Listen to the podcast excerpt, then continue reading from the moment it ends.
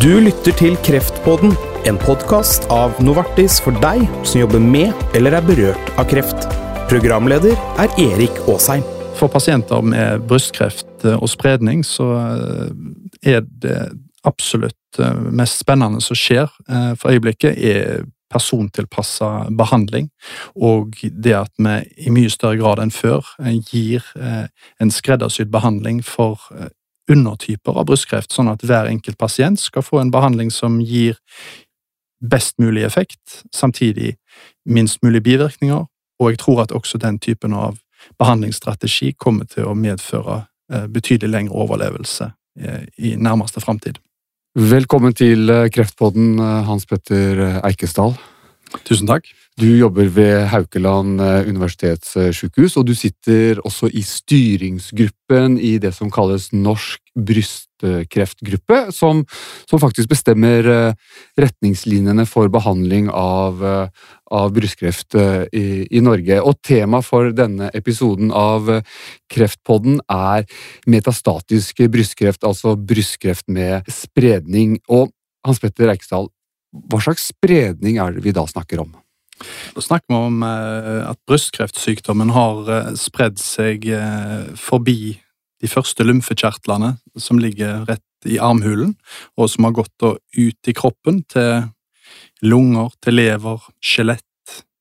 Og det er en tøff diagnose. Det er bare to av ti kvinner som overlever etter fem år, ifølge statistikken.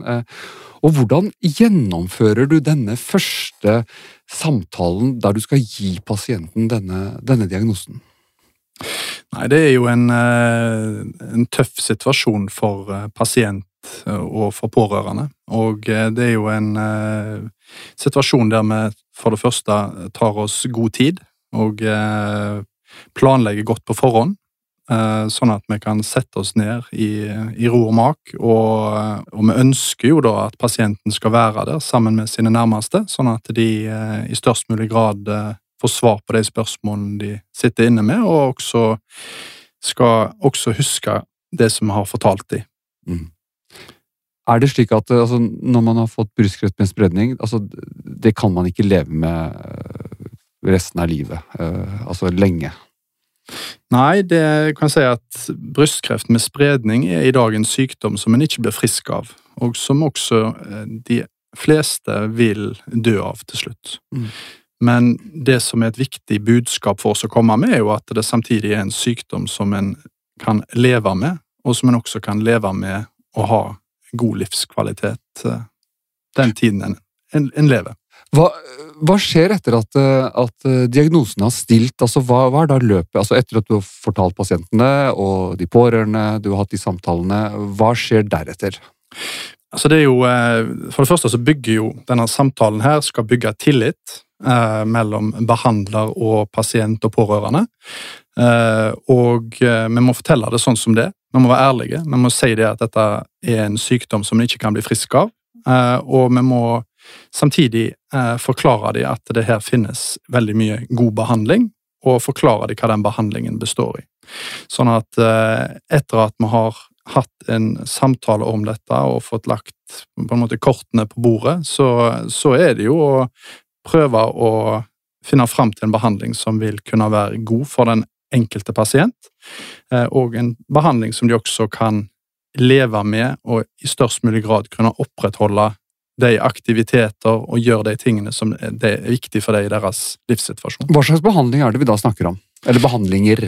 Det, det er jo um, noe som har kan si, forandra seg veldig mye de siste 10-20 årene. Fra å være uh, i veldig stor grad uh, basert på cellegift og hormonblokkerende behandling, til at vi i dag også i større grad kan bruke forskjellige typer målretta terapi. Sånn at her har det skjedd en veldig positiv utvikling med tanke på at vi har mer vi kan tilby for forskjellige og ulike typer av behandling, og der vi også i større grad i dag kan gi en behandling som er mer tilpassa den enkelte pasient, av såkalt persontilpassa behandling, i stedet for å på en måte gi samme behandlingen til alle. Mm. Og, da, og, da, ser vi at folk faktisk eh, lever lenger. Definitivt. Det har vært en uh, veldig positiv utvikling med tanke på levelengde. Mm. Uh, ikke for alle typer av brystkreft, men du kan si at for, for undergrupper av brystkreft så har det vært betydelig forlengelse av levelengde, fordi at man har fått mye god og ny behandling. Hei, jeg heter Anita Fredriksen. Og jeg er Anita Henriksen. Så fint at du lytter til Kreftpodden. Denne podkasten er et initiativ fra Novartis for å fremme kunnskapsdeling og faglige diskusjoner innen fagfeltet onkologi. Den er ment for deg som jobber med eller er berørt av kreft. Vi spiller stadig inn nye episoder for å kunne utvikle podkasten med dagsaktuelle tematikker.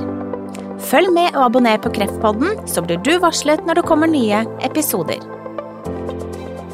Du hører på Kreftpodden. Jeg heter Erik Aasheim, og jeg har besøk av kreftlege Hans Petter Eikesdal. Eh, vi har en egen episode i Kreftpodden om immunterapi, men likevel, Hans Petter, jeg må spørre deg om hvordan ser du for deg at immunterapi kan bli brukt i forhold til behandling av brystkreft med spredning, som du jo er ekspert på?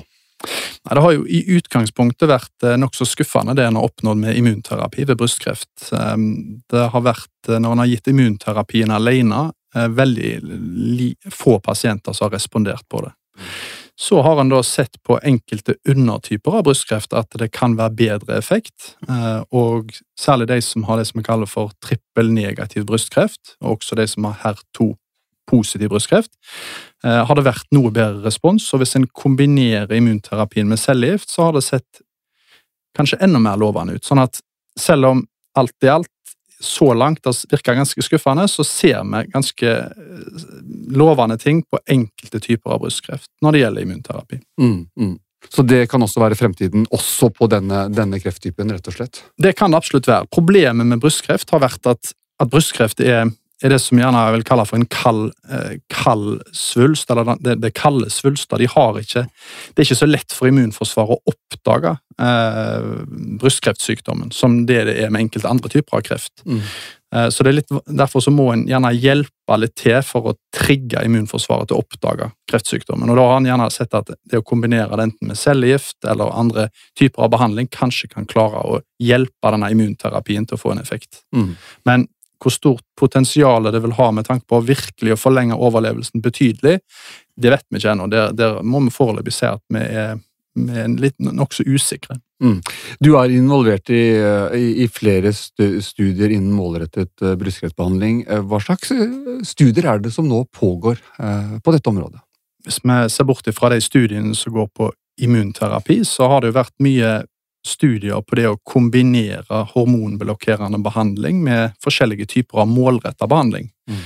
Og også å kombinere cellegift med målretta behandling har, vært, har vist seg å kunne betydelig forlenge overlevelsen for enkelte pasientgrupper.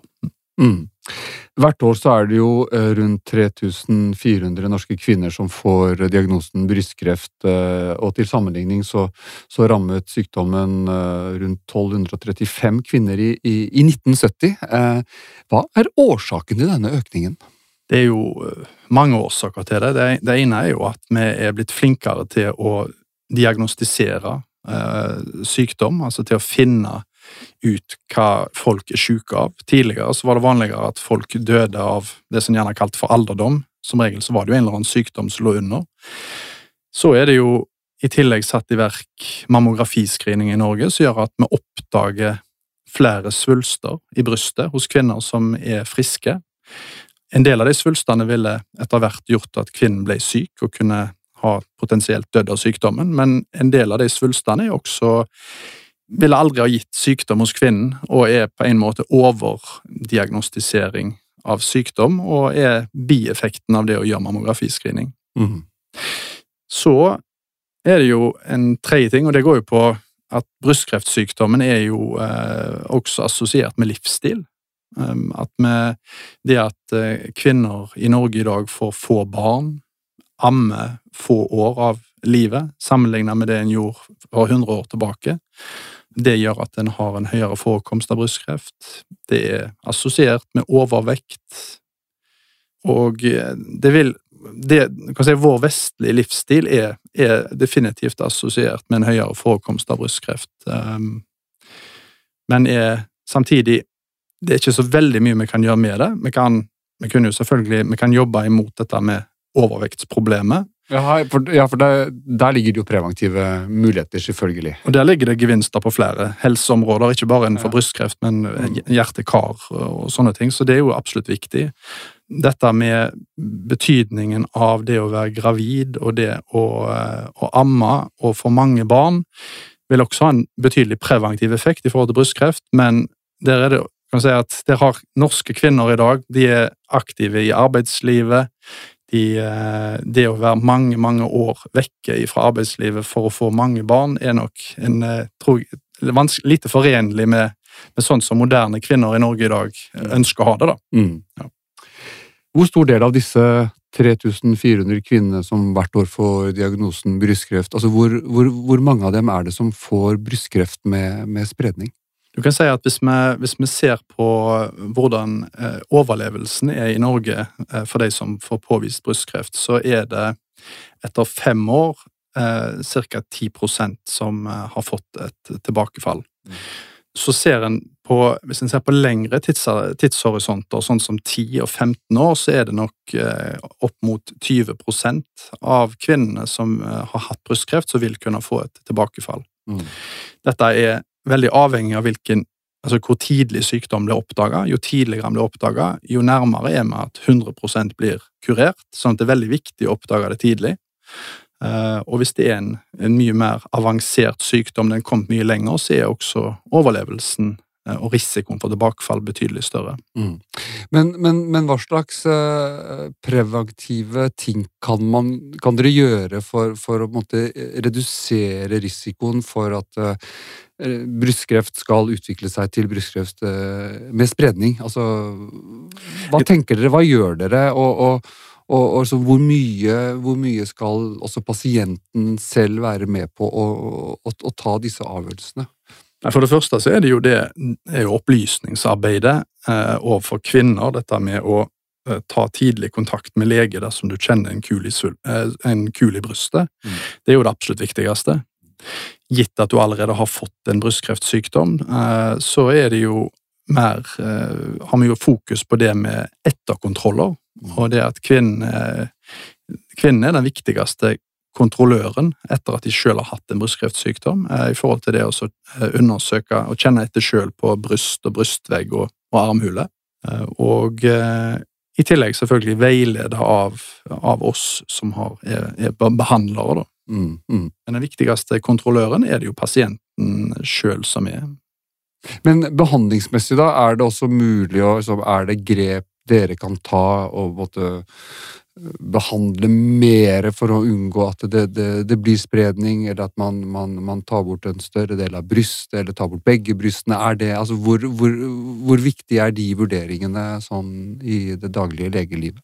Der er det igjen litt avhengig av hvilken undertype av brystkreft eh, kvinnen har vært operert for. Mm.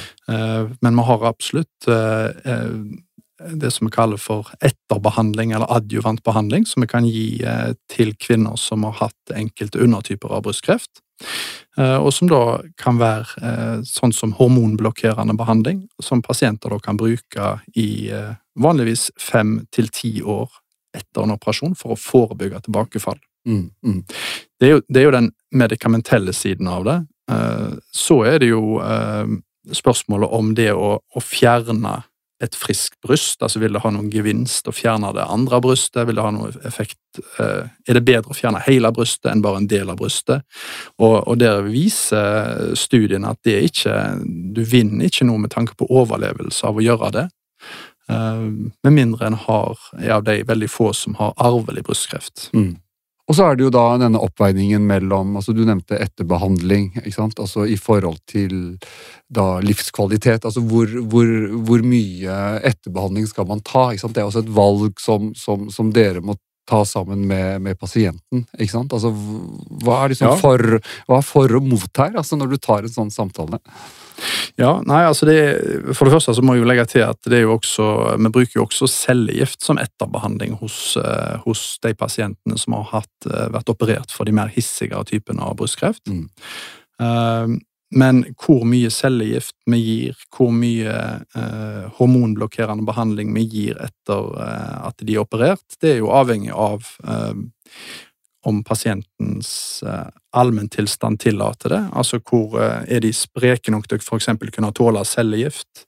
Og ikke minst når vi da starter med enten cellegift eller vi starter med hormonblokkerende behandling, hvordan tåler de det? Og det, der, der, er det ganske individuelt.